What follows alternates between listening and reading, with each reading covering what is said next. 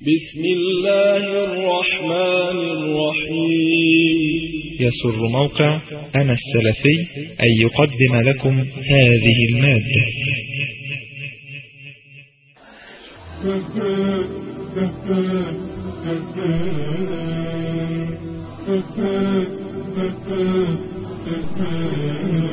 الله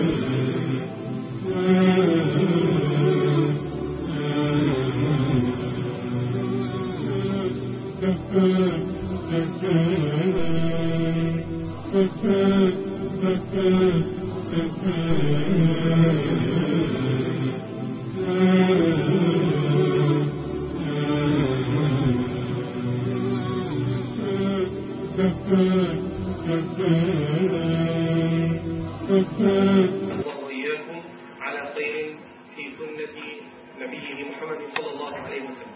فنحن يطيب بنا أن نجتمع اليوم في هذا الاجتماع الطيب المبارك مع كوكبة من العلماء في الملتقى الفكري الثالث آه، من آه، فعاليات هذه الملتقيات التي تثري الروح آه، الإسلامية الفكرية الحقيقية السليمة بإذن الله تعالى. والتي نرجو لها أن يكون يعني لها الأثر والنفع في خصوص وعموم المجتمع يعني خصوص مجتمع حضراتكم من أساتذة وطلاب كلية الطب وعمومه بنشر هذه الدعوة المباركة بين الناس. يعني آه، بدون الإطالة آه، نبدأ آه، يعني كلمة استضافة من الأستاذ الدكتور محمود سليماني عميد كلية الطب يعني الذي يستضيف هذا الحفل الكريم. فليتفضل بسم الله والصلاة والسلام على سيدنا رسول الله.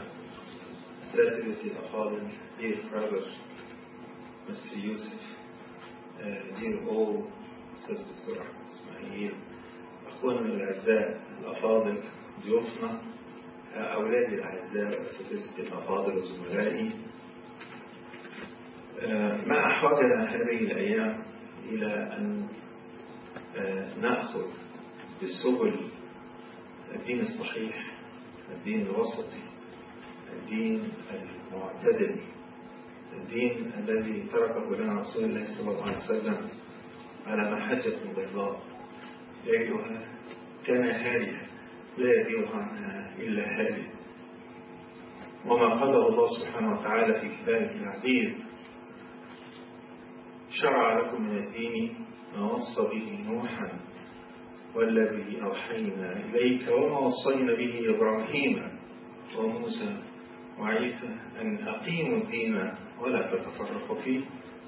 كبر على المشركين ما تدعوهم إليه. الله يجتبي إليه من يشاء ويهدي إليه من ينيب هذه الآية الجامعة بصورة من أعظم سورة القرآن سورة الشورى. ليبين لنا المنهج والطريق في الدعوة ثم في الحكم. ما أنزل الله بإقامة الدين الصحيح؟ الدين الذي بعث الله نبينا تأثر على الأمم ليبين لهم الذي اختلفوا فيه. ويهدي من يشاء ويضل من يشاء وهو أعلم بالمهتدين. في سلسلة من الاجتماعات المتكررة يتبنى أساتذة كلية الطب ونتبنى نحن كإدارة توضيح الأمور جلية واضحة في في في النهار في ظل مجتمع جديد وفي ظل مرحلة جديدة انكشفت فيها الأمة. ونرى الله سبحانه وتعالى أن يسر هذه البلد من يقودها قيادة الحق إلى النمو والنماء وقول الحق والعمل أشكر القائمين على تنظيم هذه الدعوة and personally I'd like to thank our brother Yusuf he, for his efforts and his uh, sincere time to come and be with us this morning to show us his experience in, um, in Islam. شكرا جزيلا وجزاكم الله خير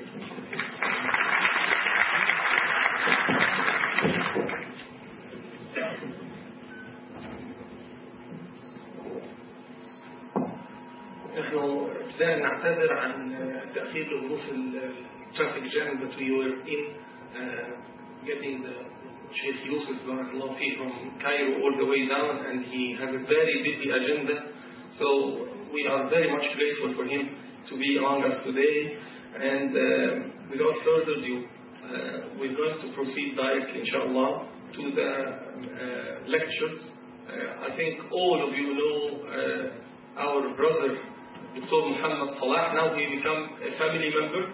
This is the third time we have him in our university community. Once here and the second was in uh, the Faculty of Law. And uh, we're going to make a mix in uh, Franco Arab. Maybe علشان يعني بعض الحضور أظن إنه غالب الحضور الحمد لله يفهم اللغة الإنجليزية يعني. آه، طبعا إكراما لضيفنا يعني.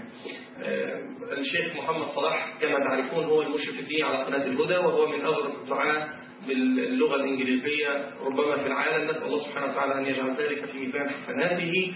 وقد تفضل لنا بمحاضرات رائعة قبل ذلك عن التعريف بالمنهج الإسلامي وعن الإسلام وما ينبغي على الناس فهمه الصحيح والسليم عنه. طبعا قبل أن نبدأ بمحاضرة الدكتور, الدكتور محمد صلاح وهو بالمناسبة family real family member because he's a pharmacist يعني هو يعني yeah, he was a آه، ثم اختار سبحان الله يعني آه، يعني يهب حياته للدعوة في سبيل الله تعالى. فتكون محاضرته الأولى بعنوان الإسلام أكثر الأديان انتشارا. لماذا؟ Islam is the most أو the fastest growing religion all over the world. Why؟ قبل محاضرة الشيخ محمد صلاح الشيخ عبد الرحمن نصار. إمام وخطيب مسجد آه، القائد إبراهيم آه، بالنيابة عن الدكتور محمد محمود أبو حطب آه، شيخ الأوقاف ووكيل وزارة الأوقاف في الإسكندرية. يعني يعطينا كلمة في خمس دقائق ثم نبدأ إن شاء الله في المحاضرات تبعنا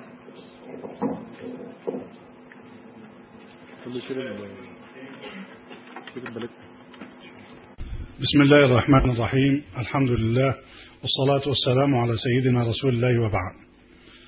فقد روى لنا الثقات عن النبي صلى الله عليه وسلم قوله بدأ الإسلام غريبا وسيعود غريبا فطوبى للغرباء. كثير من الناس يفهم هذا الحديث على غير وجهه فيعتقد أن عودة الإسلام غريبا يظن أن المعنى أنه يأتينا من الغرب. وليس كذلك. لأن أول الحديث يكذب هذا الفهم ويدحضه فالنبي عليه الصلاة والسلام عندما بدأ دعوته أين بدأها؟ بدأها في مكة في بيئته ومرباه. فكيف ينسب الغربة إلى نفسه؟ النبي عليه الصلاة والسلام لم يقصد غربة الوطن وإنما قصد غربة الحال. فحاله غريبة عندما يتكلم. كلامه غريب وأوضاعه مستغربة وهو ما عناه من عودة الإسلام فيما بعد ويعود غريبا أيضا. فالذين يتكلمون عنه ويبرزونه ويحاولون إعلاءه ورفع راياته يكون كلامهم مستغربا ويكون حالهم مستغربا أينما تكلموا وحيثما تكلموا.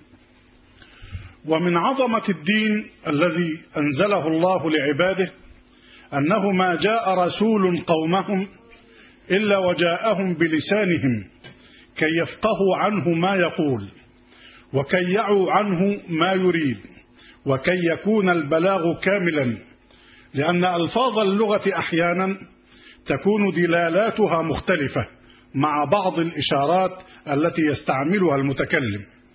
فأنا إذا استقبلت إنسانا بكلمة أهلا وابتسمت في وجهه عرف من معنى ذا عرف من ذلك الترحيب. الكلمة ذاتها من الممكن أن أقولها لكن مع إشارات وجه مختلف ومع إعراض عنه فيفهم أني أقولها على سبيل التهكم. فالمقصود ليس مجرد الألفاظ وإنما الألفاظ مع دلالتها ومع معانيها المكنونة في تراكيبها. ولذلك يقول الله تعالى وما أرسلنا من رسول إلا بلسان قومه ليبين لهم. ونحن إذ نتحدث عن الإسلام وانتشاره في العالم فإن المؤشرات الحالية تذكر لنا أرقاما نصر عندما نسمعها. ولو أن أنباءها وصلت رسول الله صلى الله عليه وسلم لكان سعيدا بما يسمع ولكان فرحا بأمته التي يزيد عددها كل يوم. على أن عنايتنا ليست بالأعداد وإنما بجوهر هذه الأعداد.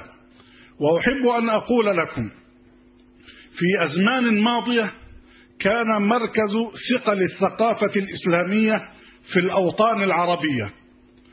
وعلينا الآن أن نستعد لنقل هذا المركز إلى أوطان أخرى. ولنا في سابق أيام التاريخ وفي الأيام الخوالي شواهد تدل على هذا تدل على أن مركز الثقل الثقافي للأمة العربية انتقل إلى خارجها انتقل إلى أوروبا عندما كان مركز الثقافة في الأندلس. واليوم نشاهد أن تأسيس الاتحاد العام لعلماء المسلمين ليس موجودا في مقر عربي وإنما موجود في مقر أوروبي. برز عدد من الدعاة الأجانب أو من الدعاة غير العرب. إذا كانت العربية لسان الإسلام فإن هذا اللسان ليس وقفا على أهله وإنما يتعداه أو يتعداهم إلى غيرهم. إذا هم أرادوا. ولنا أن نقرأ أسماء علماء الإسلام في أجيال مضت. سنجد القمم العوالي منهم لم ينتسبوا إلى العرب قط ابتداء من علوم تتعلق باللغة العربية إذا ذكرنا سيبويه أو بما يتعلق بالتفسير إذا ذكرنا الرازي والقرطبي وأمثالهما أو تتعلق بعلوم أخرى إذا ذكرنا أسماء أخرى.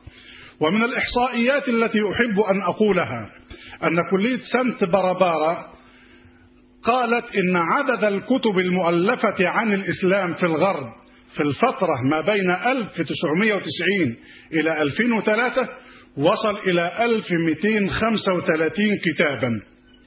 1235 كتابا تتكلم عن 11 مظهرا من مظاهر الإسلام.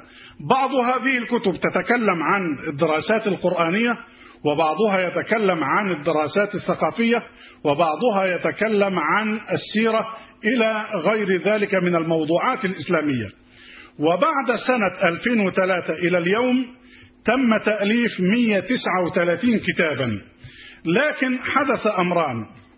الكتب لم لم تعد تتجه نحو الأحد عشر مجالا التي ذكرناه أو التي ذكرنا بعضها. وإنما مئة كتاب من هذه المئة وتسعة وثلاثين إنما تتكلم عن الإسلام السياسي خصوصا بعد أحداث الحادي عشر من سبتمبر. لكن هذه الأحداث أيضا تسببت في أمر ألا وهو أنه بعد حرب الخليج الثانية في عام 1990 وبعد هذه الأحداث ارتفعت نسبة الإسلام بما يعادل 235% بعد هذه الأحداث بالرغم من الحرب الضروس التي يواجه بها الإسلام في تلك المواطن. وهو ما يؤكد قول الله لا أقول يؤكد وهو ما يعني أحقية قول الله سبحانه إن الذين كفروا ينفقون أموالهم ليصدوا عن سبيل الله فسينفقونها ثم تكون عليهم حسرة ثم يغلبون والذين كفروا إلى جهنم يحشرون.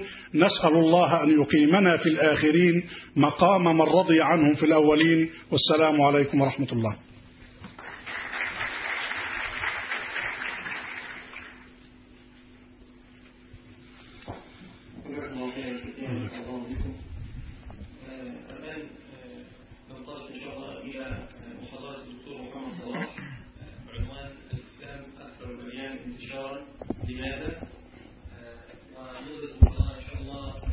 عشر دقائق.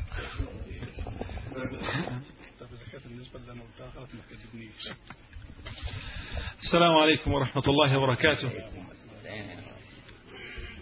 الحمد لله الذي هدانا لنعمة الإسلام وكفى بها نعمة.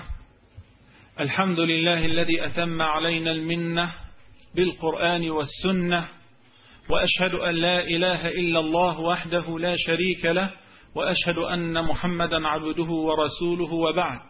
أحبتي في الله إنه لمن دواعي سروري أن أكون في ضيافتكم في هذا اليوم مرة أخرى وإن شاء الله تتلوها مرات ومرات. ومما زادني سرورا وسعادة أن أكون في وسط هذه الكوكبة التي على رأسها الأستاذ الدكتور محمود الزلباني عميد الكلية حيث افتقدناه في المرة السابقة. فجزاكم الله خيرا على دعوتنا وتقبل الله منا ومنكم وجزاكم الله خيرا على صبركم. نشكر أيضا لفضيلة الأستاذ الدكتور محمد إسماعيل المقدم أن سمح لنا أن نصحبه في هذه الأجواء. تقبل الله منا ومنكم جميعا ولسائر الحضور. بارك الله فيكم. في عجالة. موضوع Islam is the fastest growing religion. مش بس in the west ولا in the east بس worldwide. هل الكلام ده حقيقة أم خيال؟ أنا دائما وكما عهدتمونا نحب أن نوثق أن document كل كلامنا بالمستندات. فيما يتعلق بالمقولة السابقة أن أسرع الأديان انتشارا هو الإسلام. هذا ما وجدت سريعا من الريفرنسز by all the reliable sources. Islam is the fastest growing religion in the world. It has been verified by many independent sources. الكلام ده يا جماعة مش بمجامع إسلامية ولا بالأزهر ولا بالجامعة الإسلامية في ماليزيا ولا في المدينة ولكن independent sources. على سبيل المثال لا الحصر ال CNN World News نوفمبر 14 1997 أكدت هذا. في موضوع كان للنقاش World Christian Database 2005 survey about religions and the fastest growing religion uh, أيضا um, People's Daily Online News November 2nd 2006 confirmed the same statement Islam is growing by the New York Times, February the 25th, 2008, and many, many more. السؤال الآن لماذا؟ لو أن هناك أي منهج أو فكرة أو عقيدة أو دين تعرض لما يتعرض إليه الإسلام بل قل لعشر معشار ما يتعرض إليه الإسلام لمحيا من على وجه البسيطة ولكن هذه الهجمات الضارية على الإسلام تزيده صلابة وتزيده انتشارا كنا أخف ما نكون على حياتنا كمسلمين أقلية في أمريكا بعد أحداث سبتمبر 11 ونرى عجبا. والله ما زادت هذه الأحداث الإسلام إلا انتشارا وذياعا. كل هذه القنوات والهجمات الإعلامية المسخرة ومن ورائها مليارات.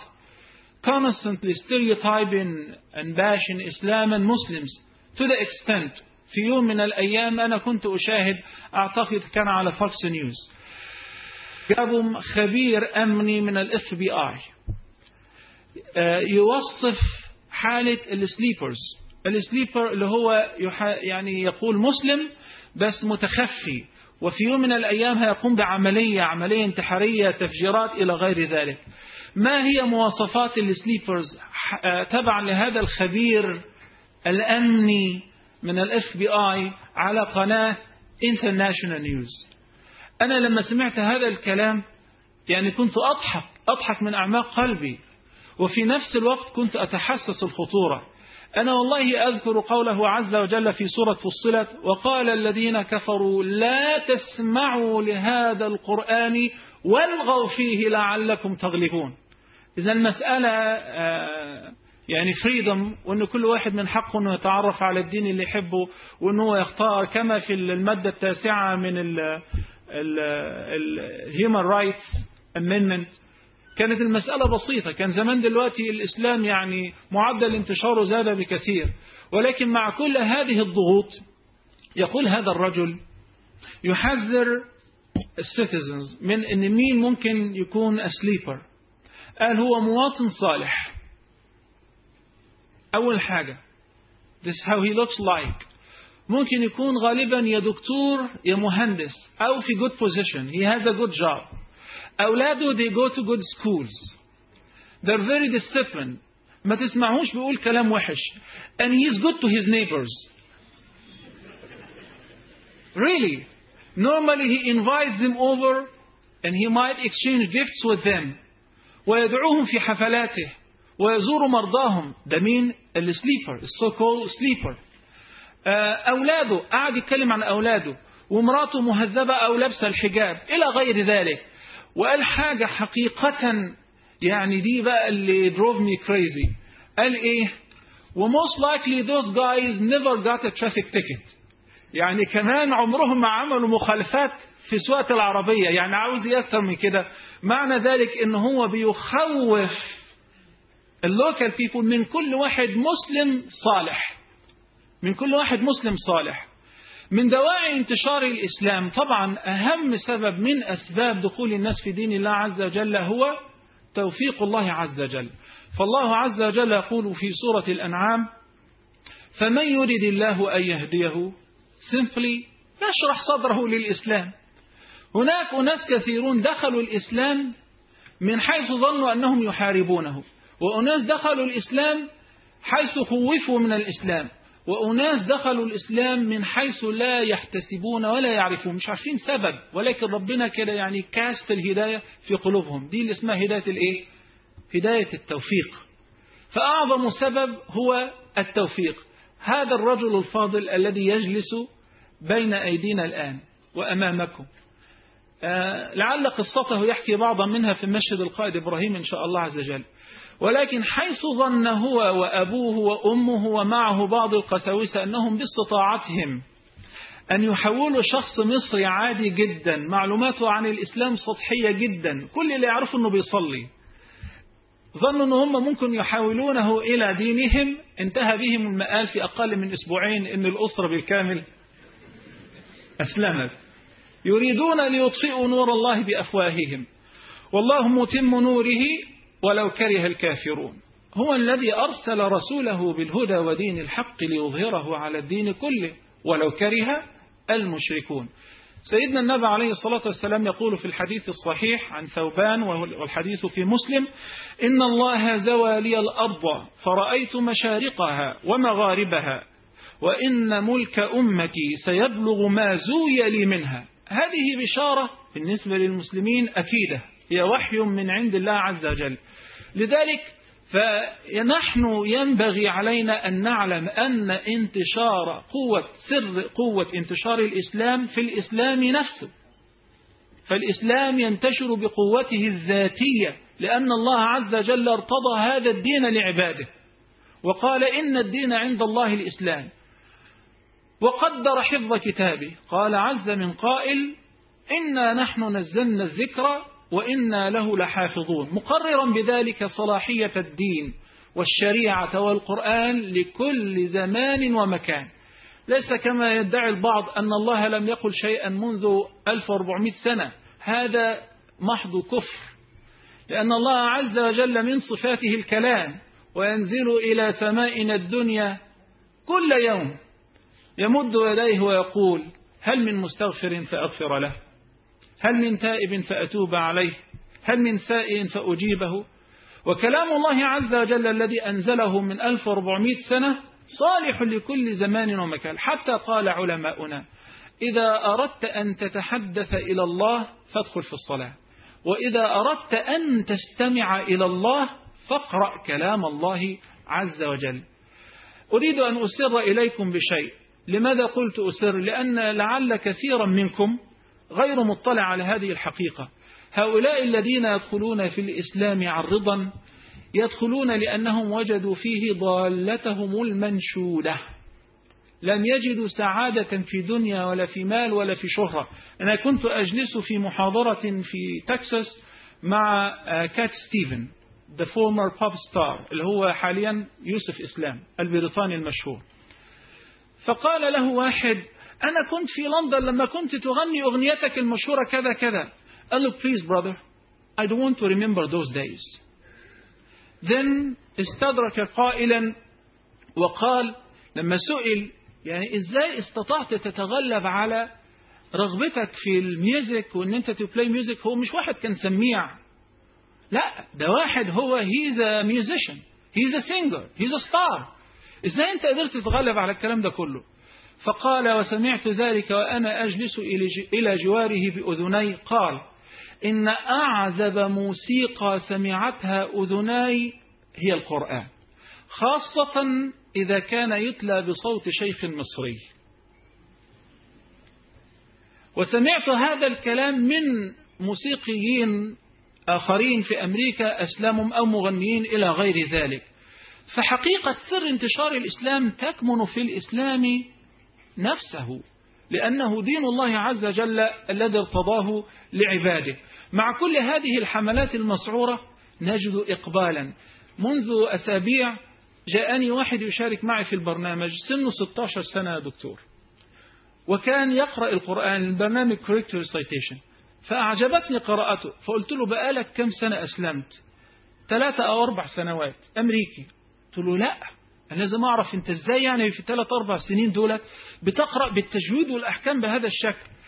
قال لي أنا أعيش مع أمي فقط ولما كان سني 11 أو 12 سنة حصلت أحداث بعد 11 سبتمبر يعني ومع الحملات والضغوط فوجئنا ب أمي بتقول إحنا لازم نعرف الناس دولت بيعملوا كده ليه.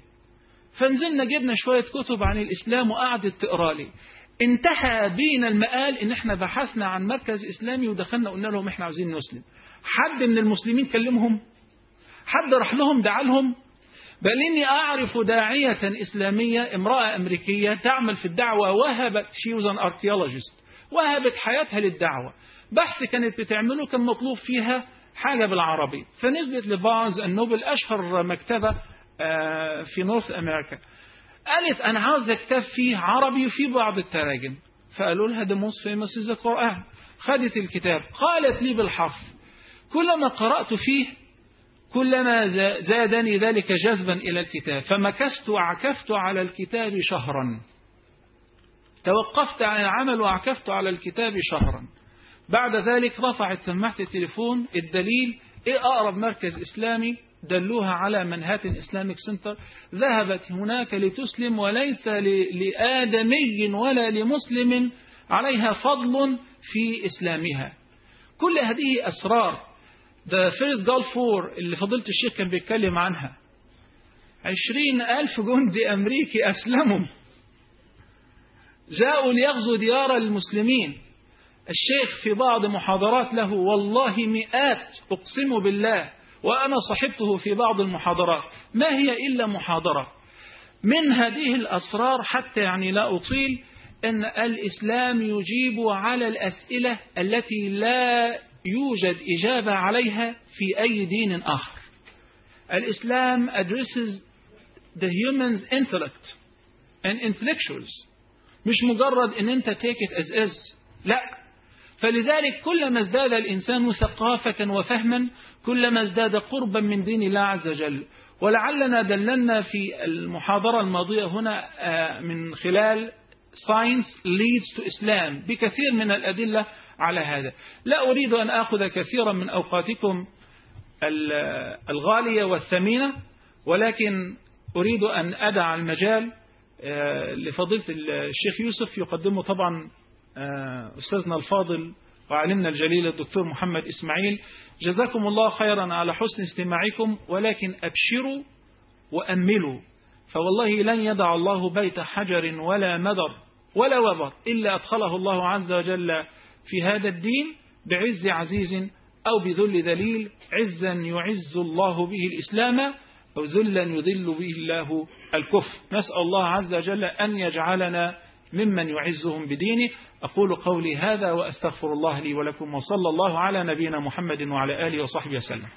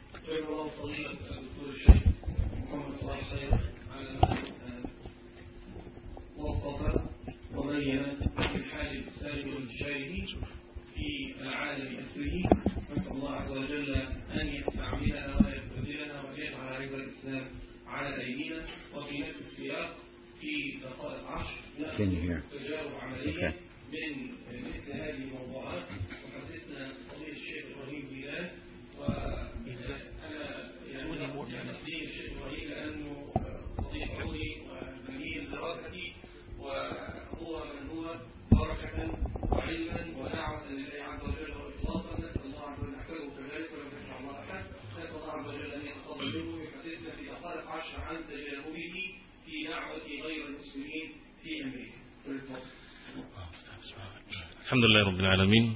والصلاة والسلام على أشرف المرسلين نبينا محمد وعلى آله وصحبه أجمعين. استكمالا لما تكلم فيه الشيخ الدكتور محمد صلاح في قضية أن حجة الإسلام لا يغلبه أحد. الله عز وجل قال في كتابه هو الذي أرسل رسوله بالهدى ودين الحق ليظهره على الدين كله ولو كره المشركون. فهذه الغلبة في كل زمان ومكان. في وقت دون وقت بالسيف وبالبنان. أما بالحجة والبرهان فدين الله عز وجل ظاهر في كل زمان ومكان. وهذا أمر يشهد له من كان في محاورة أو في مناظرة بين أهل الحق وأهل الباطل. وبسبب ضيق الوقت أذكر لكم شيئا مماثلا مما يدل على أن الأمر مضطرد وليست حادثة استثنائية. وهذا كثير جدا ولكن لقرب عهد به منذ شهر ونصف أنا بنفسي قابلت شخصين في مدينتين مختلفتين في ثلاثة أيام. الشخص الأول رجل تعدى الخمسين من عمره ويدرس في مدرسة الثالوث المقدس في جامعة نوتردام وهي جامعة عريقة كاثوليكية في ولاية إنديانا. وكنا مرين بهذه المدينة فقابلته هكذا قدرا. هذا الرجل دخل في الإسلام منذ شهر ونصف كان دخوله على الإسلام تقريبا منذ السبيع فقال لي أنه ما يزيد على العشرين عاما يدرس الإنجيل يعرفه ظاهرا لبطن.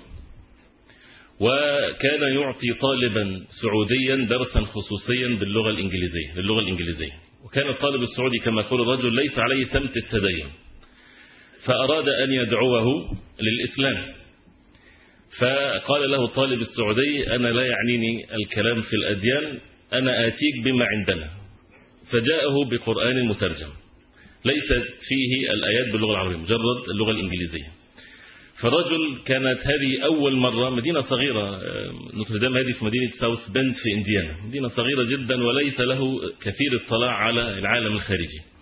فأخذ القرآن يقول لي في المساء رجع إلى بيته فتح المصحف باللغة الإنجليزية. يعني الإعجاز اللغوي غير حاصل وإنما هو إعجاز في المعنى وفيما في كتاب الله تبارك وتعالى. فتح المصحف يقول ما انتبهت إلا عند طلوع الشمس. طوال الليل يقرأ. وعندئذ كنت قد قررت أن أدخل في الإسلام. فاتصل بالعمل وقال أعطوني أجازة أيام. قال لن أدخل حتى أنهي قراءة القرآن كاملا. وظل في بيته ثلاثة أو أربعة أيام حتى أنهى قراءة القرآن كاملا. ودخل في الإسلام ونطق الشهادتين ثم بحث عن المسلمين في مدينته. نفس حال القصة. دخل في الإسلام ولم يكلم مسلما. المعجزة الخالدة. كتاب الله تبارك وتعالى. ونفس الحال معذرة في نفس المدينة. في نفس المدينة ذهبت إلى المسجد ووجدت شابا في ال high school. وعليه سمت الحياء وكذا أمريكي. وكان أيضا دخل في الإسلام منذ أيام.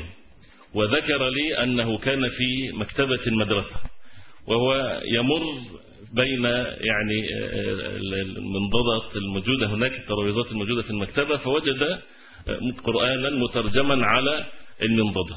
فلفت انتباهه فجلس هو راح مشوار معين راح مكان معين ولكن جلس ليقرأ فقال قرأت لمدة ثلاث ساعات.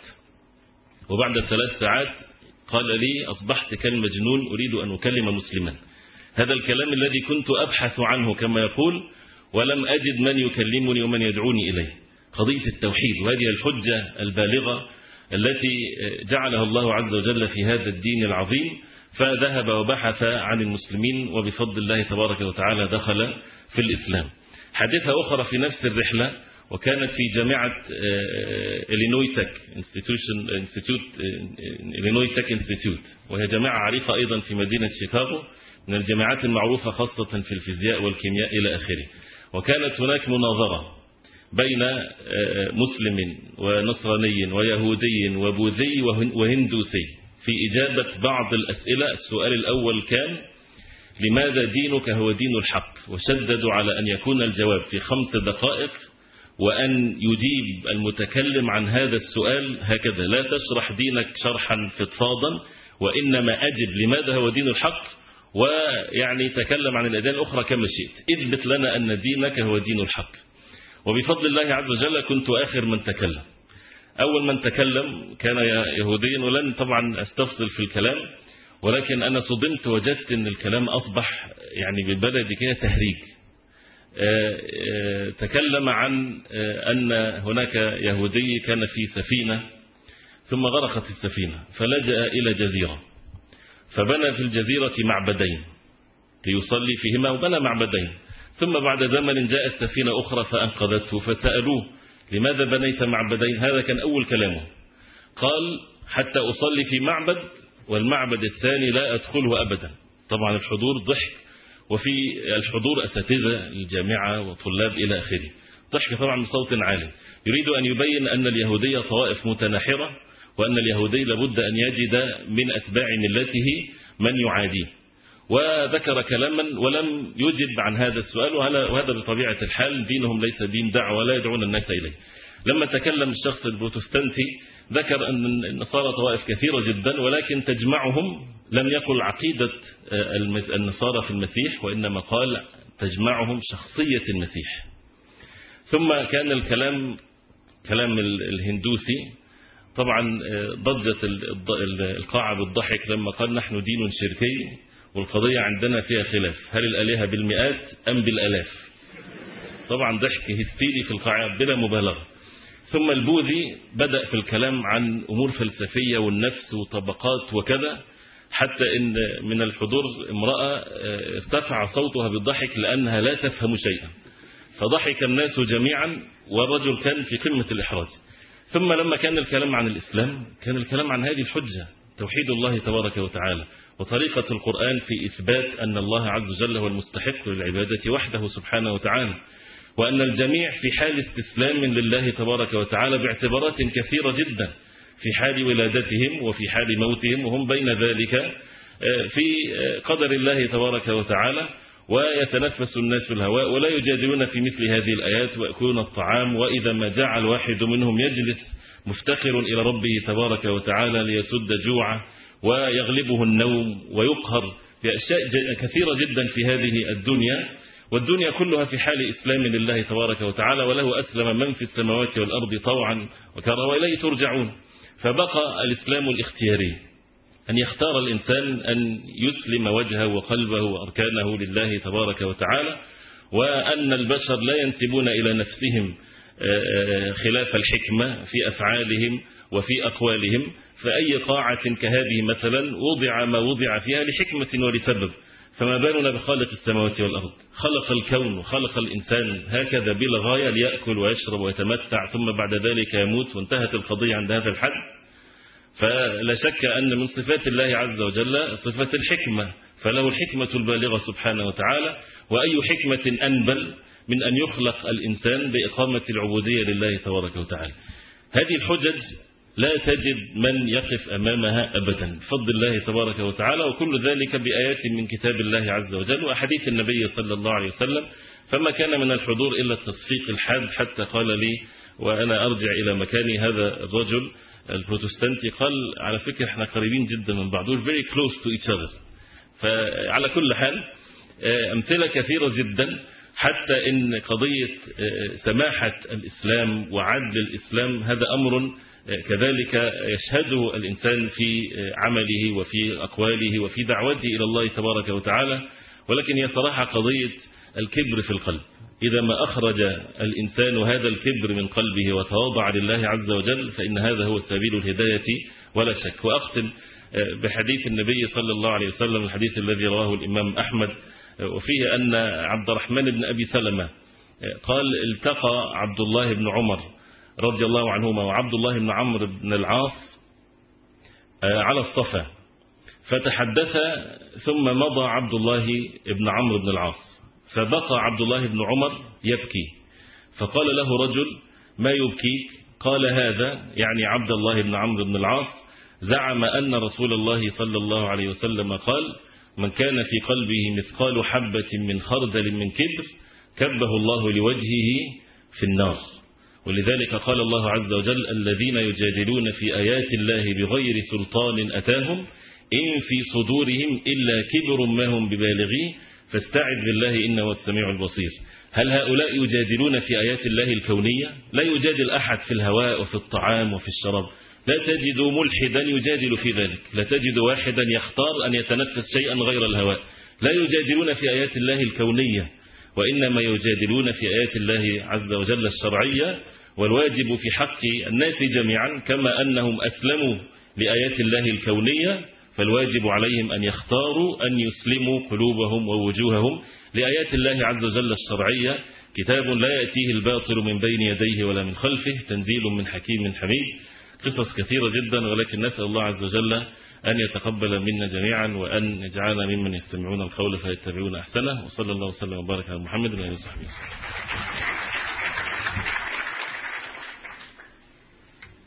الله فضيلة الشيخ إبراهيم خيرا على ما ذكر به ووعظ وقص علينا من قصص هؤلاء.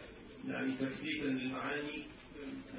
فنحن نود أن نذكر بأن عنوان الندوة tolerance in Islam سماحة الإسلام. لا يعني يتخيل أحدكم أن آه، وصف هذه القصص أو آه، قص هذا القصص أو إخبار الناس بكيف كيفية دخول الإسلام لا يتعلق بموضوع الندوة هذا هو لب الأمر. أن الإسلام لا يحتاج منا إلى غير ذلك لا يحتاج منا إلى إبرازه في صورته. يعني أقل الجهد فربما بغير جهد. والله عز وجل غالب على أمره والله عز وجل يهدي من يشاء. ومن هذا المنطلق وبدون تقديم كما أمرني فضيلة الشيخ الدكتور محمد إسماعيل مقدم ألا أقدمه وألا أتكلم عنه. ولو تكلمنا عنه لأمرنا وأنتم جميعا تعلمون ولكني أريد ألا أقدمه بدون تقديم مقدم للمحاضرة بعنوان إسلام the word or the sword. هذه الكلمة السيف لنعلم جميعا من سماحة الإسلام ما نعلمه. الشيخ الحمد لله وكفى وسلام على عباده الذين اصطفى. لا سيما عبده المصطفى. أما بعد فنبدأ بشكر الأستاذ الدكتور محمود الزلباني على هذه الاستضافة الكريمة في هذه المناسبة يعني العظيمة. ونقول إنه منذ بزغ فجر الإسلام وظهرت فاعلية الدعوة الإسلامية وسلطانها على قلوب من يهديه الله إليها وأعداؤها يحاربونها بكل أنواع الحرب حروب وقتال وأيضا حروب نفسية وفكرية تعتمد في الأساس على التلفيق وافتراء الأكاذيب. في عصرنا الحاضر بعد عصر العولمة كان الشعار الذي رفعته القوى الاستعمارية في مرحلة الاستعمار شوش تسود divide to control. الآن في ظل العولمة أصبحت confuse to control. يعني شوش تسد ممكن نقول بقى شوش تصد يعني تصد الناس عن دين الله تبارك وتعالى. في هذا العصر الذي يتكلمون فيه عن حقوق الإنسان لابد أن نكون على يقين أن أعظم حق من حقوق الإنسان هو أن يعطى كل إنسان الفرصة ليطلع على الإسلام كما أنزله الله. ثم بعد ذلك هو حر. من شاء فليؤمن ومن شاء فليكفر. لكن أعظم إساءة لأي إنسان يتواجد على سطح هذه الأرض أن يحال بينه وبين هذا النور. وبين هذه الحجة أن تبلغه خاصة إذا كانت هذه الحيلولة عن طريق التشويه وتلفيق يعني الأكاذيب. وصف الله سبحانه وتعالى أفعال الكافرين في الصد عن سبيل الله وكثيرا ما جاء في القرآن الكريم يصدون عن سبيل الله ويبغونها عوجا. يعني يبغون سبيل الله عوجا. يعني بصورة أخرى يريدون أن يظهروا سبيل الله ودين الله للناس بصورة معوجة خلاف صورتها يعني الحقيقية. إذا اقتربنا أكثر من الأحداث الأخيرة التي نعيشها خاصة بعد هذه الثورة يعني المباركة. الحقيقة الدعوة الإسلامية تواجه نوعا غريبا وجديدا وجادا من العداوة التي لا لا تشم رائحة الإنصاف أو العدل. يراد إحداث نوع من الارتباط الشرطي conditioning learning. أو conditioned learning إن دايما كلمة الإسلام إذا ذكرت لابد تربط بالمشاكل. لو تتأملوا المناخ الذي نعيشه فيه الآن الصحافة اللي هي المفروض لسان الأمة لكنها لسان مسموم مثل لسان الأفعى لا تعبر عن الأمة ولا عن عقيدتنا ولا تحترم ديننا ولا تنصفنا ولا تعطينا حتى فرص متكافئة في التعبير عن الرأي وإنما كل التعامل وكل الحوار الذي يزعمونه هو حوار ظالم يريد أن يتعامل مع الإسلاميين من منطق القاضي فوقية القاضي على المتهم المحبوس في قفص الاتهام. لكن لا نعطى أبدا فرصة لأن نتكلم بما عندنا بحرية وبدون تشويش. حصار متعمد لحصرنا في طائفة أو سيل لا ينتهي من الاتهامات حتى نستهلك تماما في يعني الدفاع والتبرير. محاولة للربط دايما الإسلام يساوي مشاكل. يا إما إرهاب يا إما تطرف يا إما قطع أذان الناس يا إما سكب مية النار على وجوه النساء غير المحجبات والعجيب أن هناك من يصدق مثل هذه يعني الترهات. ناس تماما أو تعمدوا أن يشغلون عن أن نتأمل في أن الإسلام رحمة للعالمين. والله يريد أن يتوب عليكم ويريد الذين يتبعون الشهوات أن تميلوا ميلا عظيما. يريد الله أن يخفف عنكم وخلق الإنسان ضعيفا. أين هم من قوله تعالى وما أرسلناك إلا رحمة للعالمين؟ أين هم من قوله عز وجل قد جاءكم رسول من أنفسكم عزيز عليه ما عنتم حريص عليكم بالمؤمنين رؤوف رحيم صلى الله عليه وآله وسلم. أظهروا أن التدين يعني التشدد تضييق تحريم الطيبات العنت مع أن الله يقول عزيز عليه ما عنتم. دين الرحمة ودين اليسر ولن أفيض في ذكر هذه الخصائص لكن أريد أن نلتفت جميعا كي لا يجرفنا هذا التيار الكاسح من الحقد والكراهية لما أنزل الله تبارك وتعالى. إذا كان الله من علينا وحررنا من الظلم الذي كنا نعيش فيه ومن القمع والقهر كيف ننسى قوله تعالى وتجعلون رزقكم أنكم تكذبون؟ الله سبحانه وتعالى يعطيكم كل هذه النعم فتجعلون شكر هذا الرزق أنكم تكذبون رسله وتشنعون يعني على دينه. قصة وجاوزنا ببني إسرائيل البحر. فأتوا على قوم يعكفون على أصنام لهم. قالوا يا موسى اجعل لنا إلها كما لهم إله طب أنتوا لسه شايفين معجزة بعينيكم؟ البحر وقف كالجدار. وانكشف القاع ومشيتم على القاع. يعني معجزة ما بعدها معجزة. ثم إذا بكم مجرد ما أقدامكم لم تجف من قاع البحر بيقولوا لموسى اجعل لنا إلها كما لهم إله ربنا نجانا من فرعون. ثم نحن أيضا نجعل شكر هذه النعمة أن أن لا نستفرغ وسعا في الصد عن سبيل الله وإظهارها في صورة يعني معوجة. هناك بعض المفاهيم المهمة جدا قبل أن أص... ولن طبعا لن أستطرد كثيرا حتى لا أحرمكم من الهدف الأساسي من ال... هذا اللقاء وهو التشرف بالاستماع لفضيلة الشيخ يوسف إستس. لكن هحاول بسرعة أختصر بعض المعاني. في مفاهيم لازم نتكلم عليها الأول قبل ما نلج لموضوعنا وهو مفهوم الأمة في الإسلام. نحن المسلمين نؤمن إيمانا يقينا وجازما. أولا أن الدين عند الله الإسلام. نؤمن أن جميع الأنبياء أتوا برسالة واحدة وبدعوة واحدة قاسم مشترك لا إله إلا الله. اللي بيختلف هو مين رسول الله. في عهد نوح كلمة النجاة لا إله إلا الله نوح رسول الله. في عهد موسى لا إله إلا الله موسى رسول الله. في عهد المسيح لا إله إلا الله عيسى رسول الله. ثم في الرسالة الخاتمة لا إله إلا الله محمد رسول الله صلى الله عليه وسلم. ولذلك يقول النبي صلى الله عليه وسلم الأنبياء إخوة لعلات. دينهم واحد وأمهاتهم شتى. إشارة لهذا المعنى. يعني لعلات اللي هي الضرائر. يعني رجل متزوج عدة نساء ويرزق منهن أولاد. من يخرج من صلب أولادهم أولاده ينسبون إليه. فأبوهم واحد. لكن اللي بيختلف إيه؟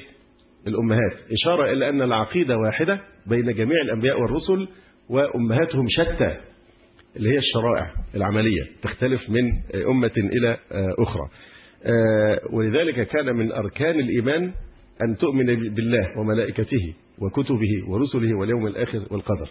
فنحن نؤمن بجميع الرسل ونعظم جميع الرسل. ومن كفر بنبي واحد فقد كفر بجميع الأنبياء. كما هو يعني معلوم. أيضا على هذا الأساس ما يجوز إطلاقا إطلاقا العبارات التي نتسامح معها وهي في غاية الخطورة.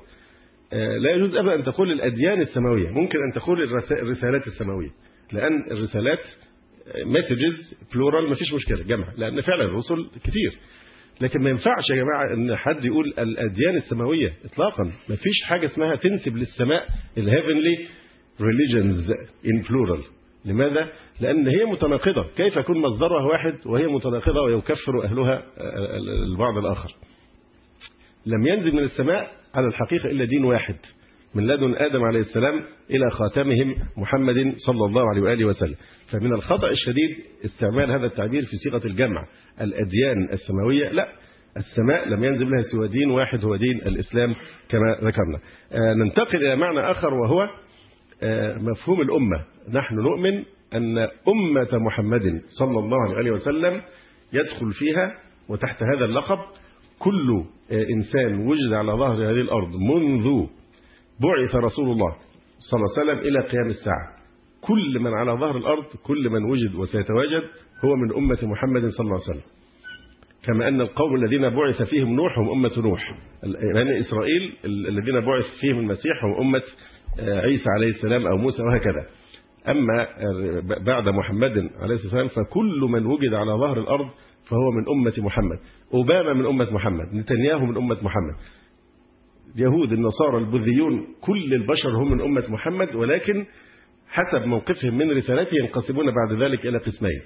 هم كلهم أمة محمد. هناك أمة الدعوة بمعنى أنهم القوم الذين بعث فيهم وإليهم محمد صلى الله عليه وسلم يدعون إلى الإسلام. فجميع البشر من أمة محمد. بمعنى أنهم مسؤولون ومخاطبون بهذه الرسالة وسوف يسألون عنها أمام الله سبحانه وتعالى. القسم الآخر اللي هي أمة الإجابة اللي هم الكومبلاينت اللي استجابوا للإسلام وقبلوه واعتنقوه واتبعوا النبي صلى الله عليه وسلم.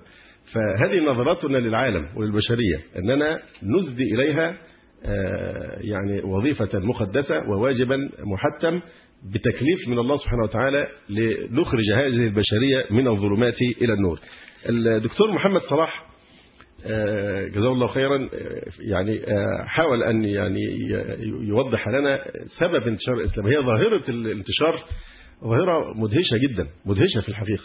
لأن إحنا يعني حيرت الناس يعني في خمسين سنة فقط فقط امتدت الدولة الإسلامية من أقصى الشرق عند الهند وحدود الهند إلى أقصى الغرب في الأندلس في العالم القديم.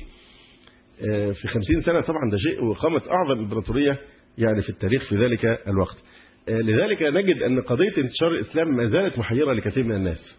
بعضهم يعمى عن الأسباب الحقيقية وبعضهم يقول يعني يهرف بكلام مضحك وعجيب جدا. مثلا بعضهم يقول الإسلام انتشر أنه دين الشهوات ودين الإباحية والانحلال ولذلك الناس يقبلون عليه ليشبع نهمهم تجاه هذه يعني الغرائز.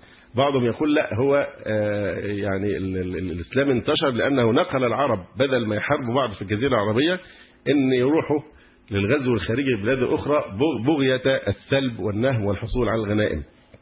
بعضهم قال ما هو أعجب لا ده العرب انتشروا في هذا المكان أو في هذا العالم من أجل أنهم الطقس في الجزيرة العربية شديد الحرارة. فهم فروا إلى حيث الراحة والدعى والظلال الوارفة والماء البارد والأمطار والخضرة وكذا يعني وكذا.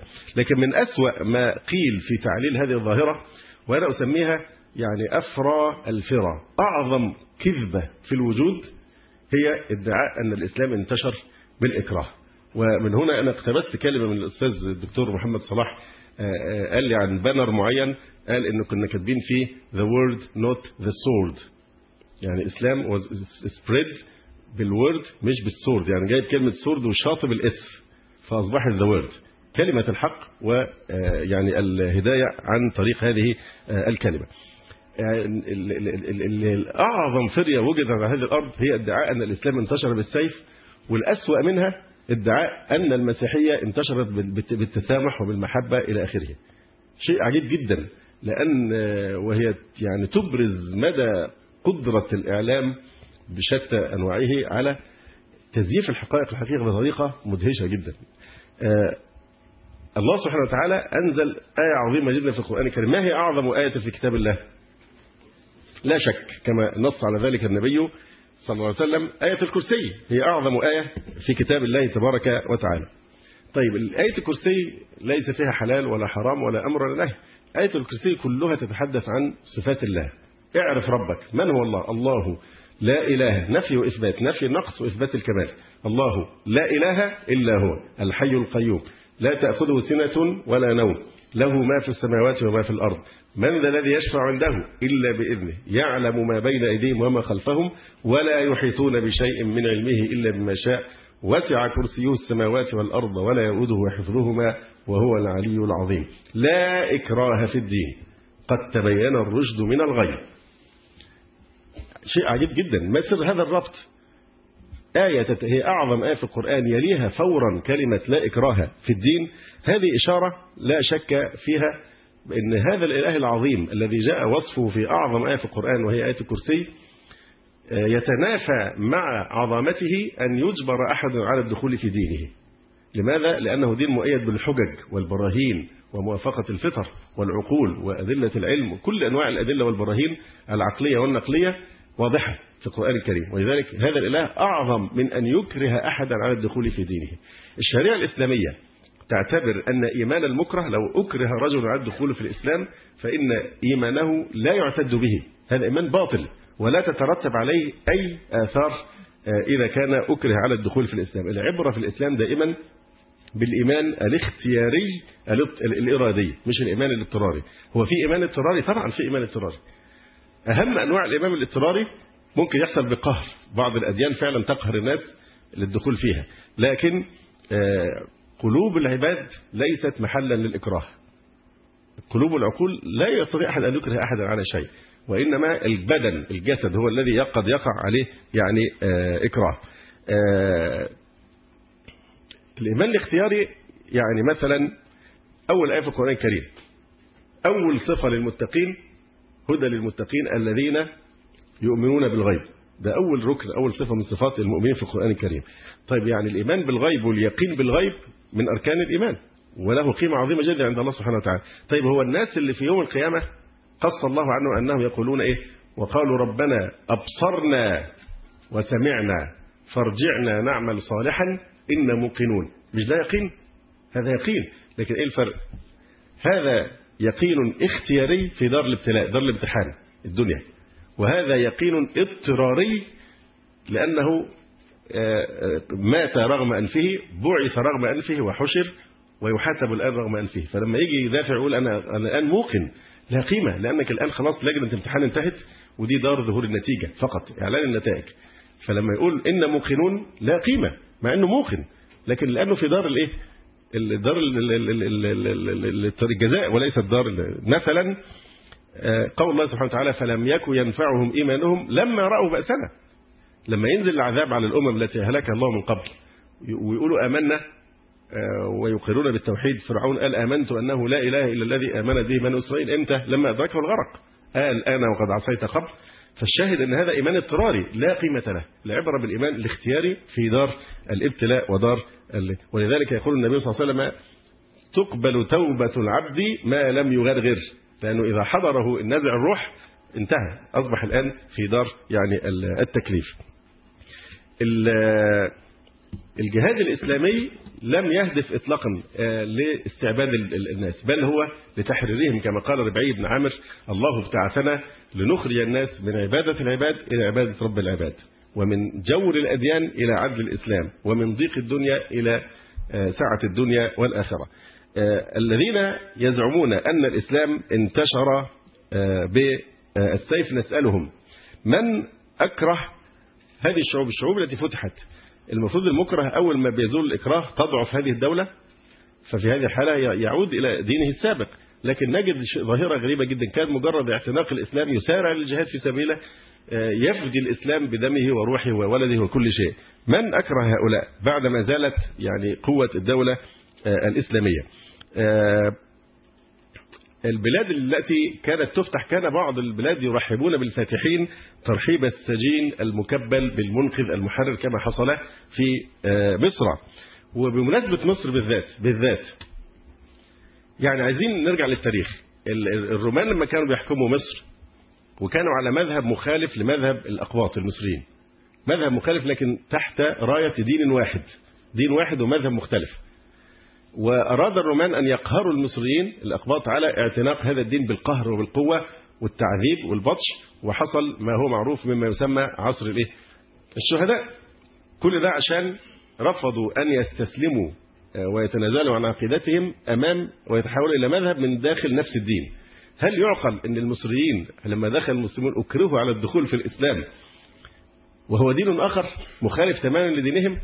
لا إذا دخلوا في الإسلام إذا هذا لابد أنه كان عن اقتناع ويعني حجج ويعني آه، براهين. تعجب أكثر وأكثر. أمة قاهرة هزمت المسلمين وأقامت فيهم مذابح لم يعهد التاريخ مثلها وهم التتار والمغول.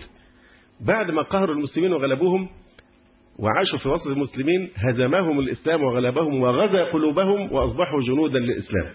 فأسلم التتار ودخلوا في دين الله تبارك يعني آه، وتعالى. هناك بلاد لم تصلها جيوش ولم ترك فيها قطرة دم واحدة.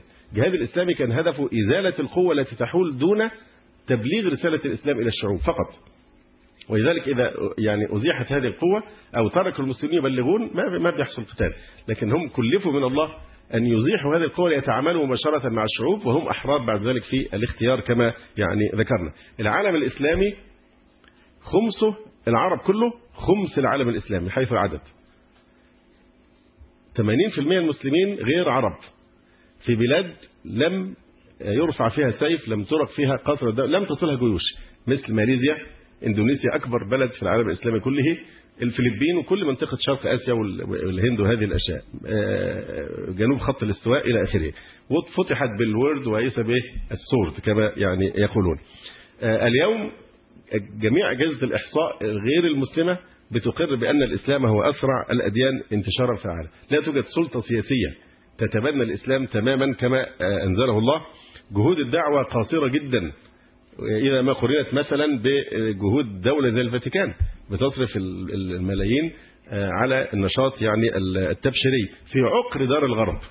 يعجز الفاتيكان نفسه عن أن يكسب آه، يعني عشر معشار عدد الذين يعتنقون الإسلام طوعية آه، خاصة من المثقفين والنخب السياسية والفكرية ويعني العلمية. بالرغم أيضا من انتشار الإسلاموفوبيا. الإسلاموفوبيا اللي هي بتنشر الرعب والرهاب والخواف من الإسلام كما هو معلوم. إذا من أكره هؤلاء؟ من أكره هذا الرجل الذي يثبت لنا أن شمس الإسلام الآن تشرق من الغرب. هو أتانا من بلاد الغرب من أمريكا من عقر دار ال- ال- الغرب ليحدثنا عن الإسلام ويدعو إلى الإسلام ويثبت لنا آه، يعني آه، مدى قدرة الإسلام على يعني هذا الانتشار آه، الرائع. آه، موضوع يعني موضوع ادعاء ان الإسلام انتشر بالسيف دي تقع تحت آه، نوع من أنواع ال defense mechanisms اللي هي اسمها ال projection الإسقاط. آه، الإسقاط فهو يعني أو بالعربي إحنا بنقولها إيه رمتني بدائها وانسلت. آه، عيوب الآخرين عيوب الآخرين لا أراها عيوبي لا أراها وعيوب الآخرين أجري وراها. فنفس الشيء هو بيحاول هم عارفين نفسهم وعارفين تاريخهم لكن يستغلون جهل الناس. لم تنتشر عقيدة في التاريخ البشري بالإكراه وبالذبح بالمذابح البشعة مثل ما انتشرت النصرانية. ده تاريخ مثبت ومراجعه كلها أجنبية وليست يعني مراجع يعني إسلامية. آه، فالزعم بأن المسيحية قامت على المحبة والتسامح هذا أكذوبة فاحشة من أكذب يعني يقول الدكتور عبد الودود شلبي رحمه الله إن الدين الوحيد الذي استعمل الإكراه والضغط لإرغام الآخرين على اعتناقه إنما هو الدين المسيحي فقط والإسلام وليس المسيحية هو الدين الذي لم يرغم أحدا على اعتناقه قط. مؤرخة شهيرة تدعى كارين أرمسترونج بترد على بنديكت ال- ال- ال- ال- البابا الفاتيكان لما تطاول على مقام النبي صلى الله عليه وسلم وادعى أنه انتشر بالسيف. فبتقول إيه؟ آه، إنني أذكر البابا بأن بعض الصليبيين الأوائل بدأوا رحلتهم إلى الأرض المقدسة لما جم في الحروب الصليبية بذبح كل الجماعات اليهودية الساكنة على ضفاف نهر الراين ده في الطريق. وأنهم أنهوا الحروب الصليبية في عام 1099 بعد أن ذبحوا ثلاثين ألف مسلم ويهودي في آه، القدس. آه، محمد أو بيكثال مرمديوك ده كان صديق تشرشل كانوا قاعدين مع بعض في المدرسة. وهو أسلم. وألف طبعا ترجمة آه، أعتقد The Noble Quran أو The Glorious Quran بيكثول أو بيكثال بيقول إيه؟ بيقول لقد اعتاد الكتاب في الغرب أن يلصقوا بالإسلام تهمة التعصب. أفلا يتذكر هؤلاء أنه لم يترك مسلم واحد حيا في أسبانيا وفي صقلية هل نسينا أنه لم يترك مسلم واحد حيا ولا مسجد واحد قائما في اليونان في أعقاب الانقلاب سنة 1821 حيث قتل من المسلمين 300 ألف بمن فيهم الشيوخ والنساء والأطفال. آه، هل نسي هؤلاء أن المسلمين كانوا المسلمين كانوا أغلبية في دول البلقان ثم تحولوا بعد ذلك إلى أقلية بسبب التعذيب والإرهاب آه، إلى يعني آه، آخره. إذا هذه الفدية في الحقيقة. يعني قديمة. في التاريخ حافل بذكر مذابح نصرانية نصرانية ال- ال- الكاثوليك عملوا مذابح بآلاف مئات الآلاف من البروتستانت. بعد كده البروتستانت ردوا الجميل انتقموا وعملوا أيضا مذابح للأرثوذكس. آه، يقول بعض الأحرار الأوروبيين لم يعرف التاريخ عن ملة قتل أهلها بعضهم بعضا مثل ما حدث في الملة المسيحية أو عشر معشارها هنتكلم على سكان استراليا الأصليين يعني ال- أيضا ال- محاكم التفتيش في الأندلس وال- والمذابح المعروفة في أيضا مذابح كثيرة جدا حصلت لليهود وسن القوانين التي يعني آه، تكرههم على الدخول.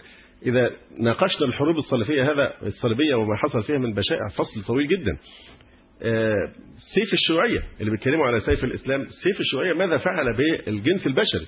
منذ بداية القرن العشرين فما فوق قتلت الشيوعية في سبيل نشر مبدئها وفرضه بالإكراه على الشعوب أكثر من 250 مليون.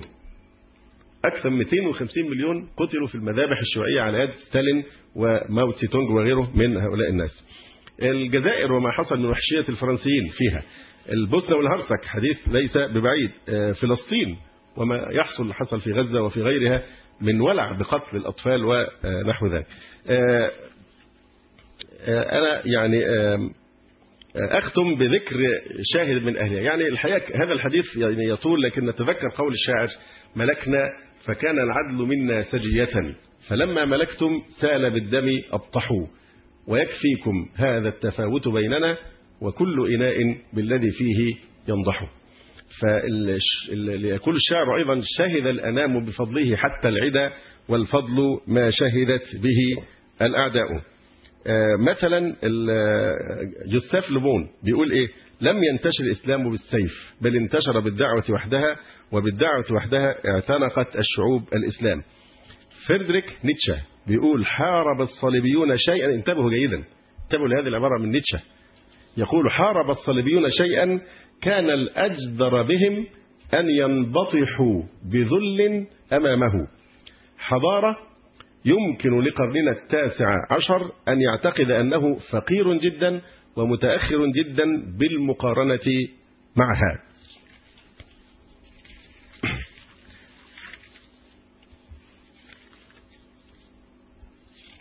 آه، أختم بصحفي يهودي اتكلم آه، أثناء الحرب على غزة اسمه آه، يوري أفنيري رئيس حركة السلام الإسرائيلية. بيتكلم بيقول إيه؟ هو بيرد على بنديكت أيضا وبيقول له في تأكيد منطقه في غياب العقلانية في الإسلام ادعى أن محمدا أمر أتباعه لنشر الإسلام بالسيف. كيف يولد الإيمان من الجسد؟ كيف انتشر الإيمان بالسيف وكيف يؤثر السيف في الروح؟ بيقول إيه بقى؟ ودي مهمة أيضا العباره ده واحد يهودي رئيس حركة السلام في داخل ال- ال- الكيان الصهيونية. يقول المسيح يقول تعرفوا على الناس من ثمراتهم. يقول نستطيع أن نعلم كيف تعامل الإسلام مع مختلف الأديان من خلال اختبار بسيط. كيف تعامل الحكام المسلمون مع أهل الأديان المختلفة لأكثر من ألف عام عندما كان لديهم المقدرة والقوة على نشر الإيمان بالسيف؟ في الحقيقة أنهم لم يستعملوه. لقد حكم المسلمون اليونان فهل أصبح اليونانيون مسلمين؟ هل حاول أحدهم أسلمتهم؟ على العكس لقد تبوأ المسيحيون اليونانيون مراكز عليا في تركيا العثمانية الصرب والبلغار وغيرهم من الدول الأوروبية التي كانت تحت الحكم يعني العثماني. كان هذا خيارهم وليس يعني بالإكراه. يقول أيضا يوري أفنيري كلام مهم جدا. بيقول ليس هنالك من دليل البتة على فرض الإسلام على اليهود. وكما هو معروف فإن اليهود تمتعوا تحت الحكم الإسلامي في أسبانيا. بازدهار ليس له مثيل إلا فيما يقارب هذه الأيام. كانوا كتابا وشعراء ووزراء وعلماء لقد كان ذاك هو عهدهم الذهبي فكيف يمكن هذا أن يحدث إذا كان النبي قد أمر بنشر الإسلام بالسيف؟ يقول أيضا عندما استولى الكاثوليك على أسبانيا مرة أخرى فإنهم أنشأوا عهدا من الرعب الديني إذ خيروا المسلمين واليهود بين أن يتنصروا أو يذبحوا أو يغادروا البلاد. أين ذهب اليهود الذين فضلوا البقاء على دينهم؟ هاجروا إلى العالم الإسلامي وانتشروا فيه من دولة المغرب في الغرب إلى العراق في الشرق إلى بلغاريا التي كانت تابعة لتركيا في الشمال إلى السودان في الجنوب. ثم يقول أيضا هذا اليهودي رئيس حركة السلام في فلسطين المحتلة يقول إن كل يهودي مخلص يعرف تاريخ قومه لا يملك إلا أن يشعر بالعرفان جراتيتيود العرفان العميق للإسلام الذي حمى اليهود لمدة خمسين جيلا. بينما كان العالم المسيحي يعذبهم ويحاول إكراههم بالسيف على التخلي عن دينهم. يقول إن استعمال النصارى للعنف في فرض ثقافتهم على غيرهم لم ينتهي بنهاية القرون الوسطى وإنما هو أمر مستمر إلى يومنا هذا. استمع إلى هانتينغتون في كتابه الشهير صراع الحضارات يقول في صراحة عجيبة. ده يهودي بينقله عن سامويل هانتينغتون. بيقول إيه؟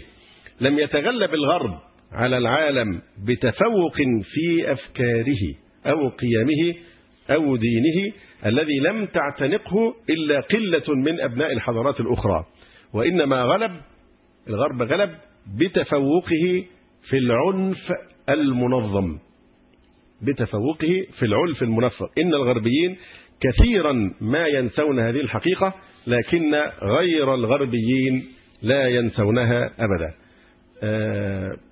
يعني هذا ما تيسر والآن جاء دور solid evidence على ما ذكرنا.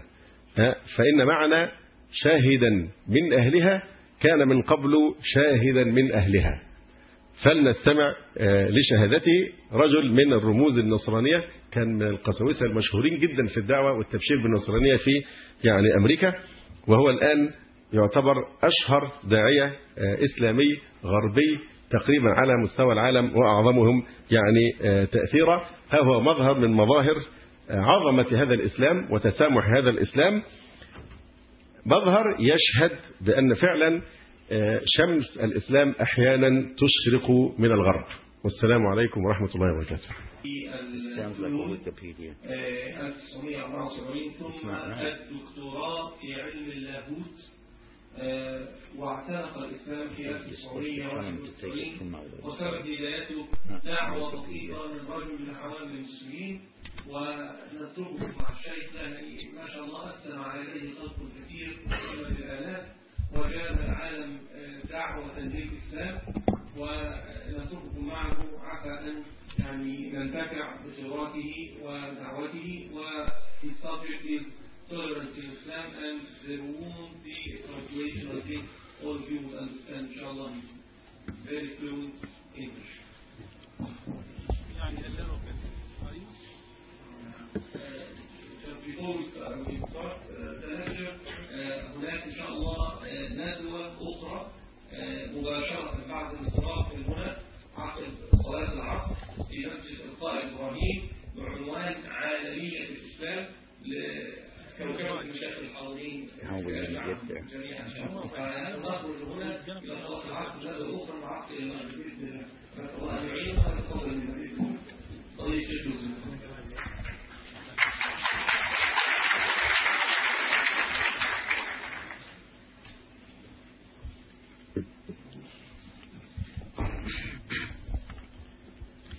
إن الحمد لله الحمد لله رب العالمين ولاد جال المسلمين والصلاة والسلام على رسول الله الكريم وعلى آله وصحبه أجمعين. أشهد أن لا إله إلا الله وحده لا شريك له وأشهد محمد عبده ورسوله. والسلام عليكم.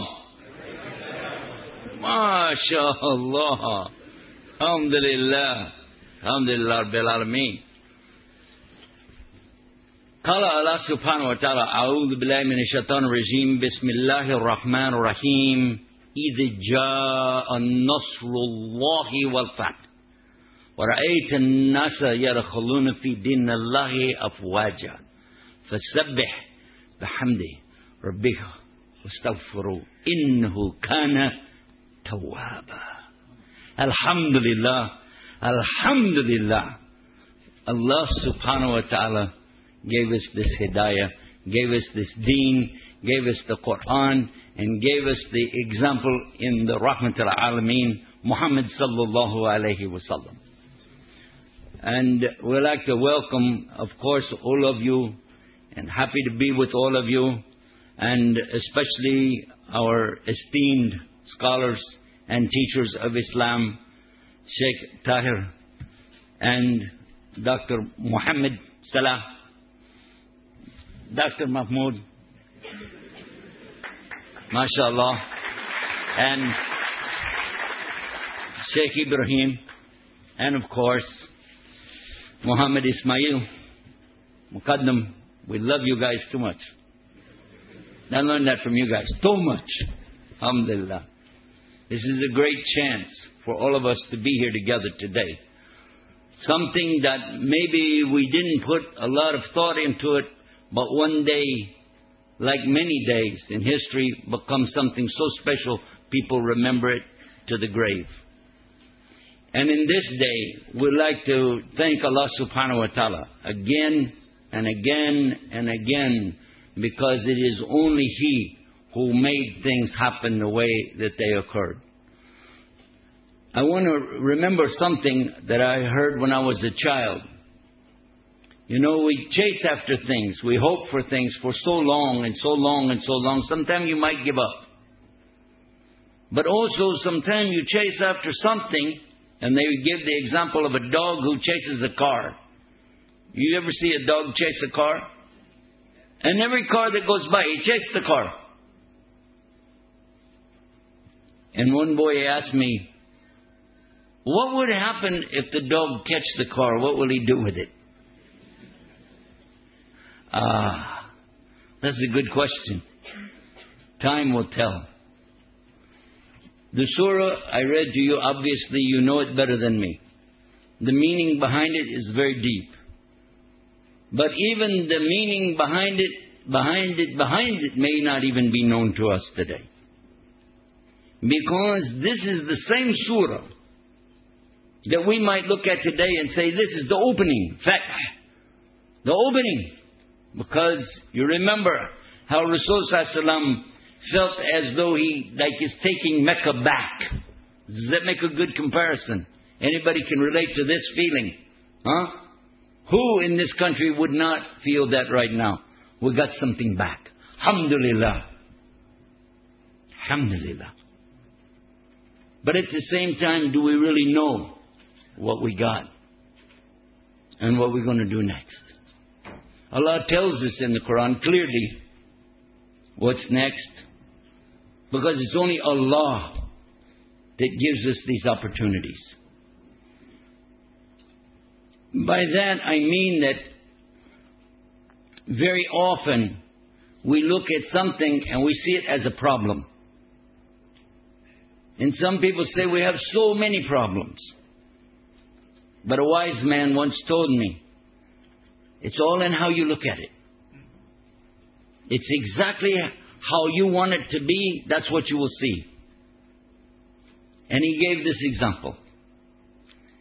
Either you see a problem or you see an opportunity. Do you see a problem or do you see opportunity? He said, in every problem is the seed to its own solution. So do you have a lot of problems or do you have a lot of opportunities? And wallahi, some days I get so many opportunities I don't know what to do with them. Alhamdulillah for opportunities. But even saying it makes you feel better, doesn't it? Instead of saying, I got a problem, I got an opportunity. Huh? Alhamdulillah. They asked me to talk on the subject of tolerance. But the last time that happened, I was in a university somewhere in America. And they said, Sheikh, talk about tolerance. How tolerant is Islam?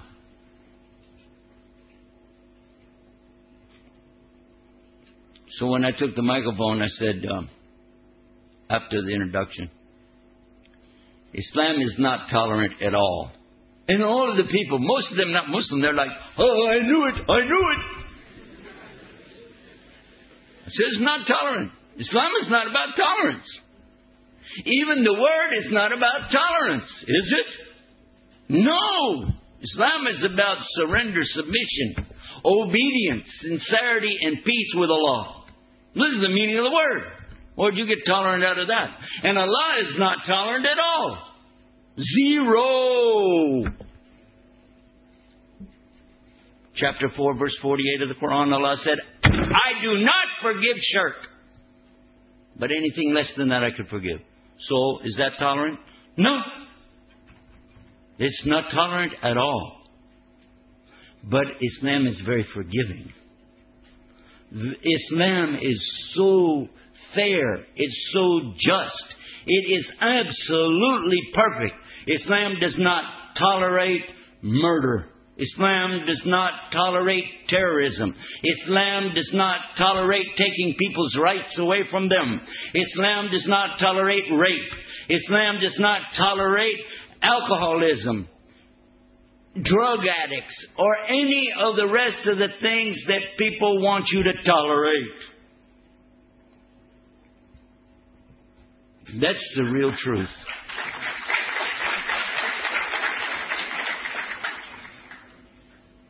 Of course, I always scare the sponsors of a program by giving those kind of introductions.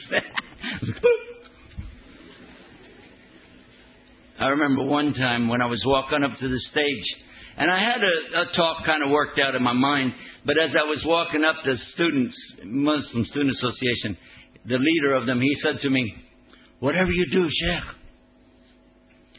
don't mention jihad. Big mistake. Big mistake. Yeah, that wasn't even my subject. So I got up there, Bismillah, Alhamdulillah, you know, and then they asked me not to talk about jihad. So I'm not going to mention jihad. I won't tell you that jihad is an obligation on every Muslim to stand up and fight for what is right. So he asked me not to say it. Not from me, you won't hear it. I looked over at him. He's sitting there. Oh, oh, oh why we invited this guy? Alhamdulillah. There's a very beautiful saying we have in Texas. It's a very straight saying. Tell it like it is. And Allah says in the Quran, أعوذ بالله من الشيطان الرجيم يا أيها الذين آمنوا اتقوا الله وقولوا قولا سديدا Tell it like it is. You don't have to hurt people's feelings, but you have to say it the way that it is. Rasul made another very clear statement about the subject. If you're going to open your mouth, say something good. Otherwise, zip it. Actually, it was more like this. Man kana yasmut. But that was loose Texas translation, you know. Alhamdulillah. What we know from Islam is very simple, a very easy to understand concept. There is a creator, there is a creation. We are in the creation, and all we have to do to be successful in this life and the next life is obey the Creator, follow the directions on the box, and you'll be okay. The little manual comes when you buy a printer, a computer, a microwave oven, has a manual, a little book. You can open it up, it tells you what to do, right? But most of us, maybe not in Egypt, but most of us in America, we don't even know where the book is anymore. We never opened it. We just plugged it in and started playing with it, right? And this is the way many people do with this life. Just plug it in and start playing with it, and then wonder why it doesn't work right. Want to call a technician right away. How come something wrong with this? Call imam. Why didn't you look in the Quran? Oh, it's in the Quran? Duh. So this again shows us something. A problem that we all have. I visited here in Mestre 10 years ago, my first visit. And strangely enough, the day I landed, something amazing had happened. It was the 4th of July. Anybody remember the 4th of July? Uh, back then, you guys were still kids playing games, right? Uh, shooting off firecrackers or something. Yeah, I know. On the 4th of July, there was a newspaper article, front page in English, that I read. It said that the government had just shut down the newspaper. How many of you remember that? No? See, this is one of the things that the shayateen work on with us. They know we forget real easy. And the enemies of Islam know the same thing. Give it time. Give it time. You'll forget. You'll forget. True or false? Wait a minute. What's the word for human being in Arabic?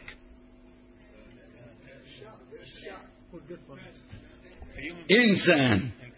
Annas. Human beings. From what root? Ananasi. I forgot. I don't remember now, but I'll think about it. We're made to forget. Ten years ago, the, the government shut down a newspaper because they ran a story. The, the name of it was Annaba. Interestingly enough, that was the name of the newspaper. The news. Now, do you remember the story? Huh? I saw one copy of that newspaper before they grabbed them all. I mean, they went out and literally pulled every single copy of that newspaper off the market. But I saw one in the doctor's desk in Beni Suef. That's where I saw it. In a way, I don't really blame them because it was pretty graphic what they showed. But the point was, they were showing pictures of something that a priest had done with some of the ladies. They, he had pictures. Why did he have pictures? He was blackmailing these ladies afterwards.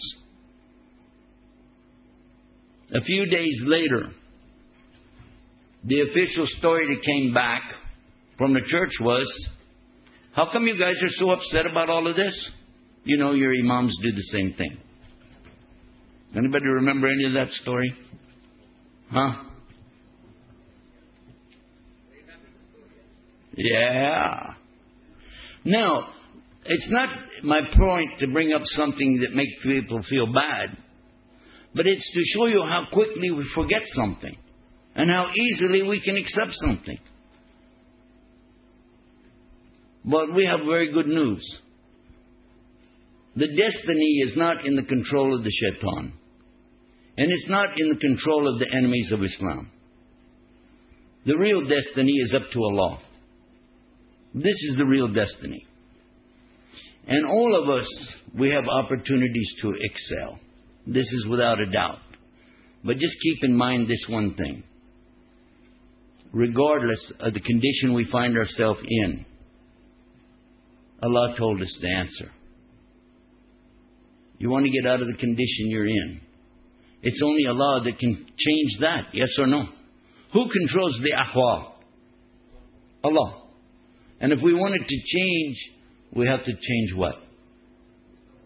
Ah, exactly. Allah says He does not change the condition of the people. till the people change themselves. The tafsir of this is interesting, though, because the statement on the surface seems to indicate that you're in a bad shape, but Allah will make it better when you make yourself better. Right? Is that how you see it? Huh? That's not what the tafsir said.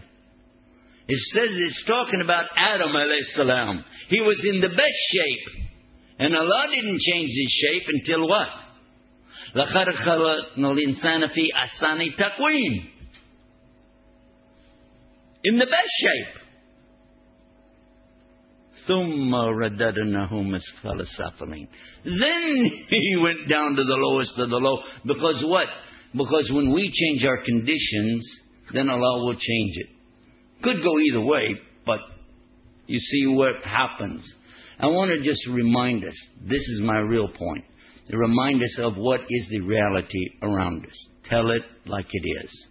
Don't sugarcoat it. Don't doctor it up. Don't bend it up. Don't twist it up. Tell it like it is. Be straight. Be firm. And let Allah bring what He wants. You have to be fair. You have to be honest. You have to be straightforward. You must stand up for what is right and righteous. Let me give you one example before I end. I just got through writing about this one, and actually, we're recording programs for Ramadan at Huda TV right now. And in yesterday's, one of the ones I did yesterday, was talking about something that I found in America. Many of the students are doing this in Ramadan. They call it fastathon. Have you heard of this thing in America? The Muslims are doing this fastathon. Now, what they're doing actually is inviting the Christians to fast Ramadan with the Muslims. Interestingly enough, a lot of the Christians are doing it. In fact, some of them are easier to get them to fast than it is some of the Muslims. Strange. And then they'll come and break the fast together. Now, some will do it for a week, some will do it for one day. Each has a different program going on in their university to let the Christians get a feel of what it's like to fast Ramadan. As soon as I heard about it, I said, I don't like the idea. They said, but people come out. I said, since when does Islam need you to justify something? Where did you get this idea from? Islam didn't tell us to tell people to come and stand beside us in Salat to see what it feels like, pay zakat to see what it feels like, make Hajj to see what it feels like. In fact, they can't make Hajj, can they? No, can't go there. At least Allah made one thing clear don't bring them over there. So why are you bringing them out here and telling them to fast? Why? And I do know some cases where they had, in some of the prisons where I worked, they would have the other inmates come and do salat with them. I just asked one of them one time, I said, Excuse me, you're a Muslim? He said, No, I'm not a Muslim. I said, Is there a God? He said, Yeah, I believe in God. I said, But you're not a Muslim? No. I said, Why are you doing the salah? He said, Well, you know, everybody else is doing it. Let me ask you a question. That's what I ask him. And, and I've used this on several different occasions, sisters and brothers both, really. I asked them, suppose you show up on the construction. On our way up here, we saw a lot of construction, you know? They're putting the bridges over the highway. You've seen it, yeah? Okay. Suppose you put a hard hat on your head. You know the hard hat. And you go up there and you take some tools and you walk around and you do stuff with some tools. You do this every day. At the end of the week, when it's time to get your paycheck, huh? Everybody line up, get the paycheck, get the paycheck, get the paycheck. And you walk up and they go, What are you doing here? You say, I want a paycheck. Said, Who are you? I'm Mohammed. Mohammed who? We don't know you. I got a hard hat, so what? I got tools, so what? I worked every day, so what? You never signed up. So unless they make Shahada, they didn't sign up. Why are you asking these people to work for free? You understand the lesson? Don't twist Islam. Don't bend it around. Don't play with it. Tell it like it is. If they like it, Alhamdulillah. If they don't like it, Alhamdulillah. It's the same. When Sheikh was reading to us, mashallah, alhamdulillah, from Surah Baqarah, he did something that I only know maybe one or two other people ever do this.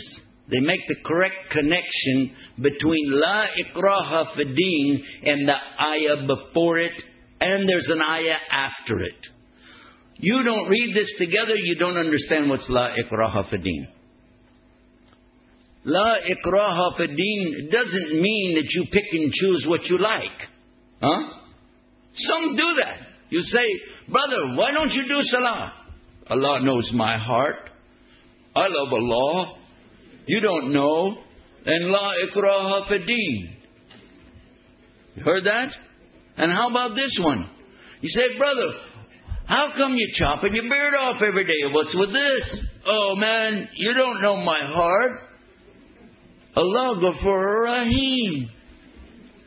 Read the rest of the ayah. I'm not Hafiz. وَشَدِيدُ الْإِقَابِ You forgot that? And when you ask a sister, why you don't wear hijab? Allah knows my heart. Besides, I have hijab in my heart. We have medical students. We need to get this heart out of the lady's heart quickly. Open it up, get that hijab before it kills her. Huh? Don't play with it. Stay straight. Yes, we are very willing to forgive. Very willing to forgive. Very willing to be in the middle path. This is where we belong. In the middle path.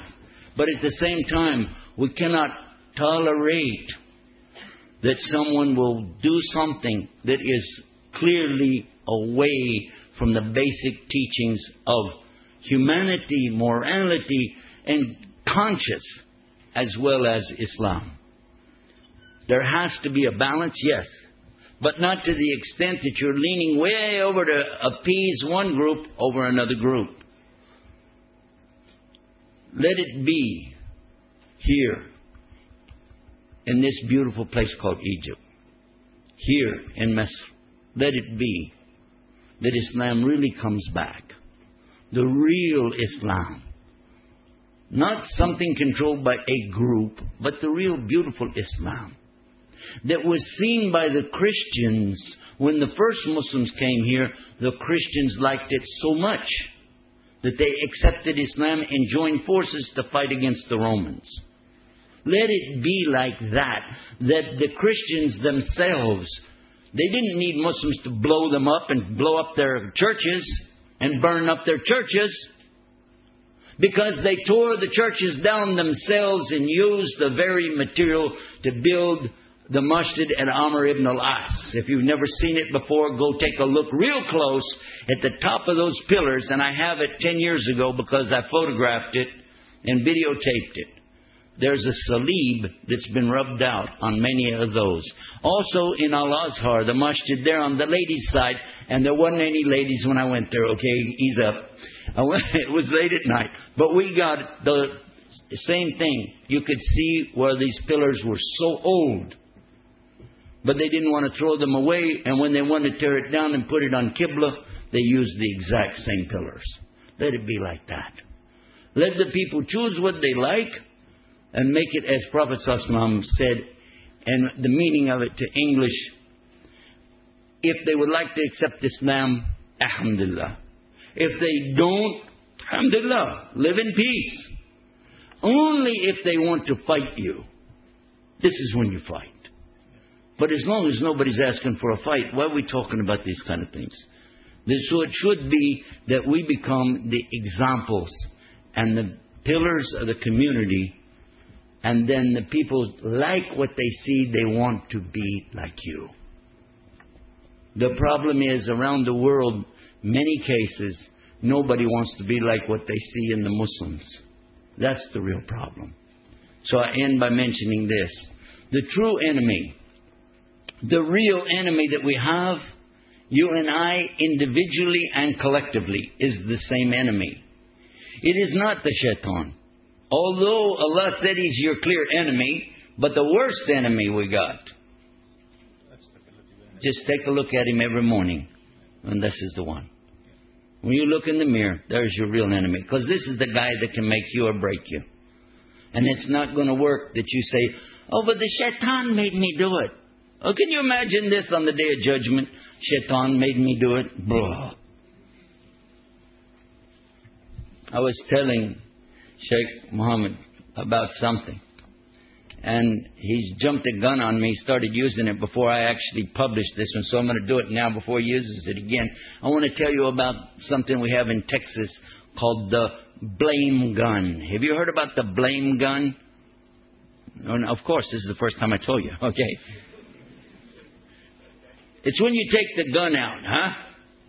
Blame, blame, blame, blame. You know what it means? Yeah. It's your fault.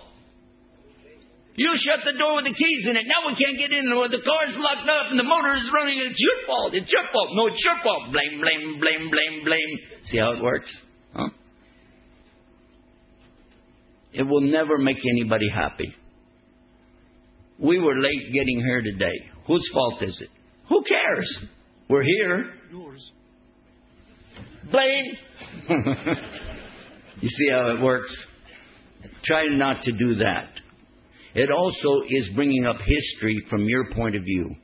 Blaming is bringing up history with your twist to it. Let's move forward.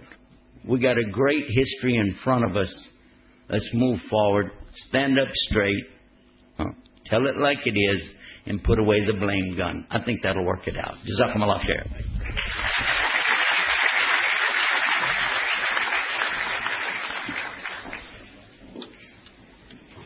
Barakallahu feekum, Jazakallahu khairan. I hope that uh, we, we have all uh, get the message clear. Uh, very strong one. Zero tolerance. Okay? So, yes, of course. Oh yeah, I always forget the commercials. Good, yeah, doctor. There, there's the story right there. See it? Alhamdulillah, Allah finally blessed us in America to have our own television channel for Islam called Guide Us TV. We're so happy. For many years, I've been telling people how badly we needed it. I even tried to get Huda TV to come over there. They said, we're too busy. But alhamdulillah, now we're together. Huda TV is helping us. Uh, Guide Us TV together is making something so nice. You should see it. Uh, oh, you can see it, can't you? Just go to the internet, guideus.tv, broadcasting 24 hours a day, no commercials, and free to air.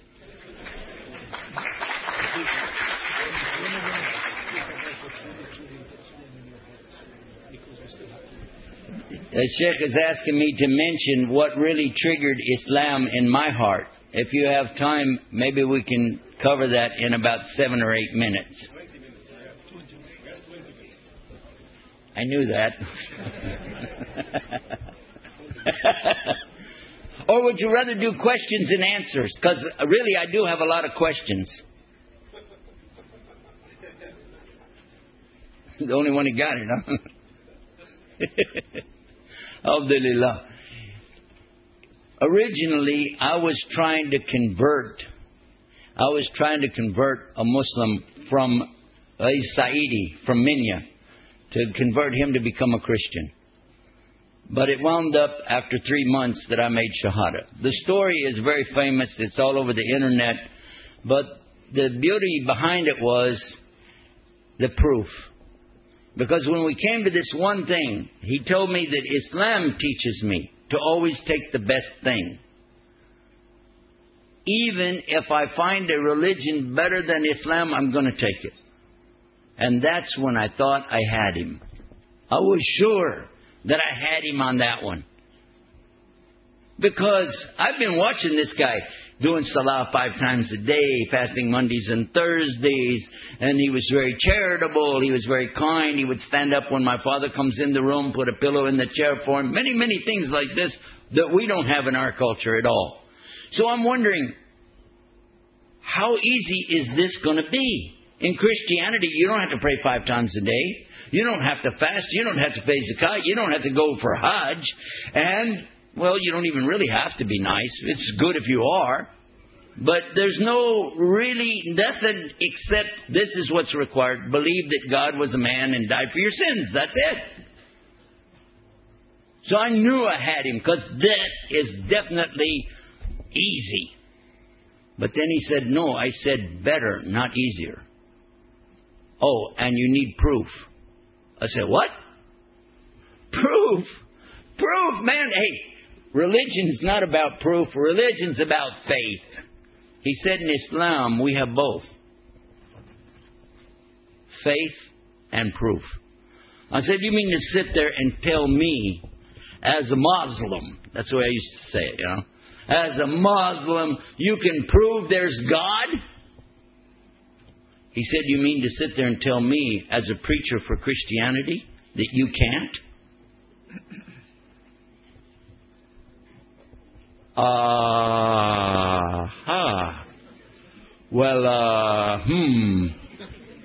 Where's that Holy Ghost when you need him? You know what I'm saying? Whoa. I don't have any answer. The proof in Islam is what Islam is based on. Some of the ulama, the scholars of Islam, have said about the riwayah, talking about hadith or talking about riwayah for the Quran itself for ijazah. The riwayah is the deen. Look at it. Subhanallah, the proof is in front of your face. There. When Allah mentions alaqa in the very beginning, telling insan where you came from. Who knew? When Allah tells us about things that are in the earth that nobody knew about, who knew? When He tells you about outer space. Now, I don't know about you. When I was a kid growing up, I was not into dinosaurs. That's a lot of kids like dinosaurs, you know. I was all into Buck Rogers, outer space, you know, beings from out there. So when Allah mentions in chapter 55, verse 33, I like the numbers right there, 5533, you can find it real easy if you go by numbers like I do. When Allah tells you, Oh, assembly of mankind and jinn, come together, all of you, and try to go out of the atmosphere of the earth. Go ahead, try, and you will never do it. Illa bi sultan. What does that mean?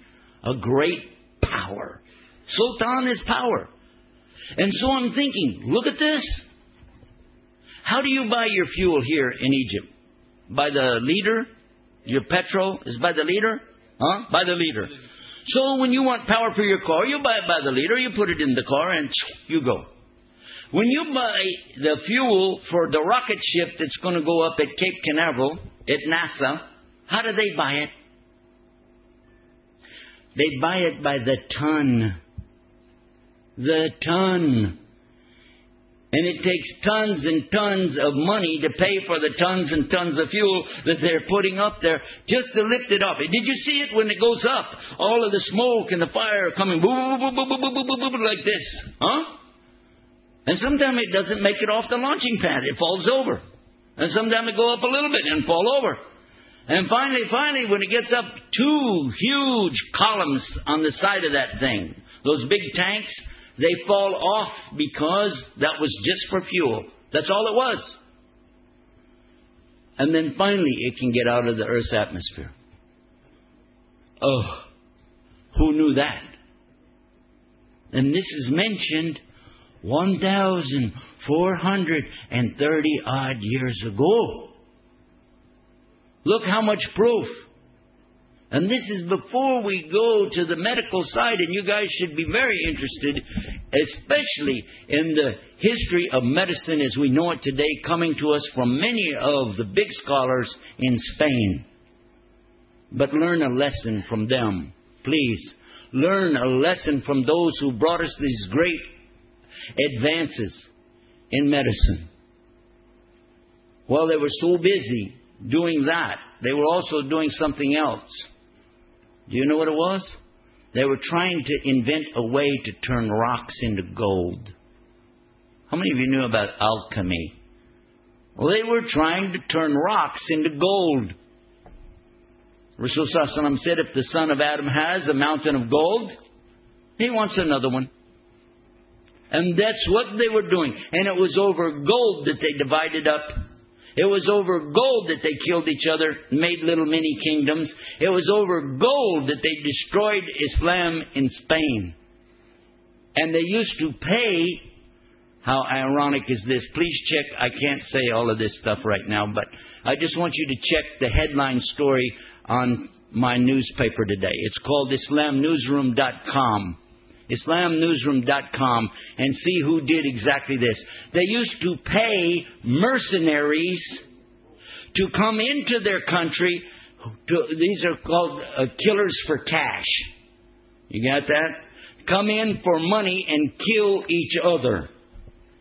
Until finally somebody got the idea and said, hey, there's a lot of money laying out here. Why bother? We'll just go in and take it all.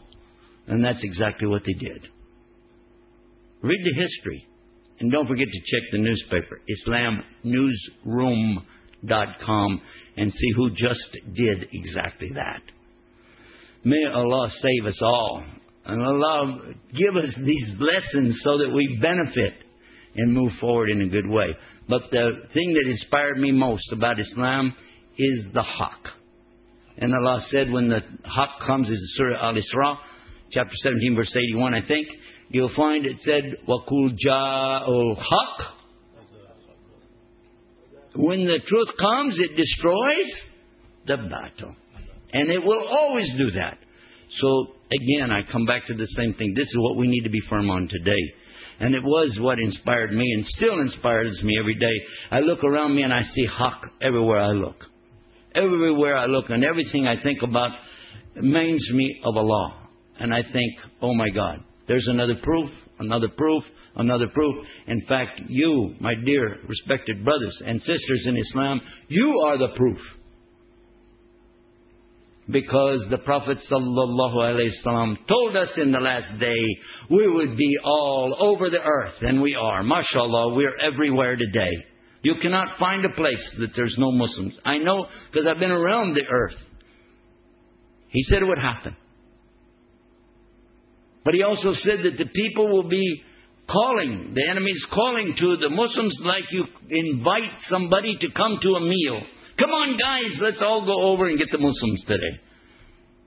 Pick up some fries at McDonald's and go get the Muslims. Yeah? And they ask, why? Well, because we're so small in number. He said, no, you'll be so many. You'll be like what? The foam on a flood. Scum. Foam on the flood. They said, what will be our condition? And he used the word wahan. And they asked him, what is wahan? Habadunya. Love of this world and the fear of death. Was he wrong? Was he right? Yeah. And now I want to, I really do want to wrap this up with what Sheikh started with when he began.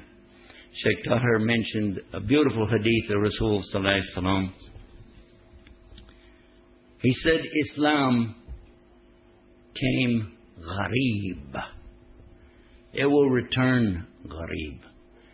Give the good news to the guraba. I see you guys as the guraba. And I love you for that. MashaAllah.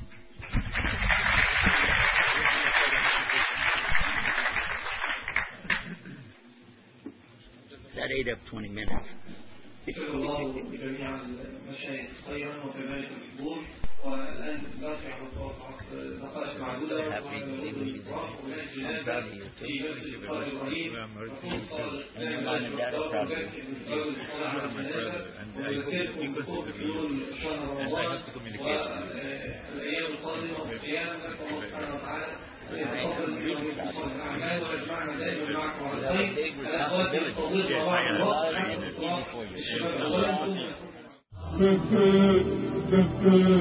دائما معكم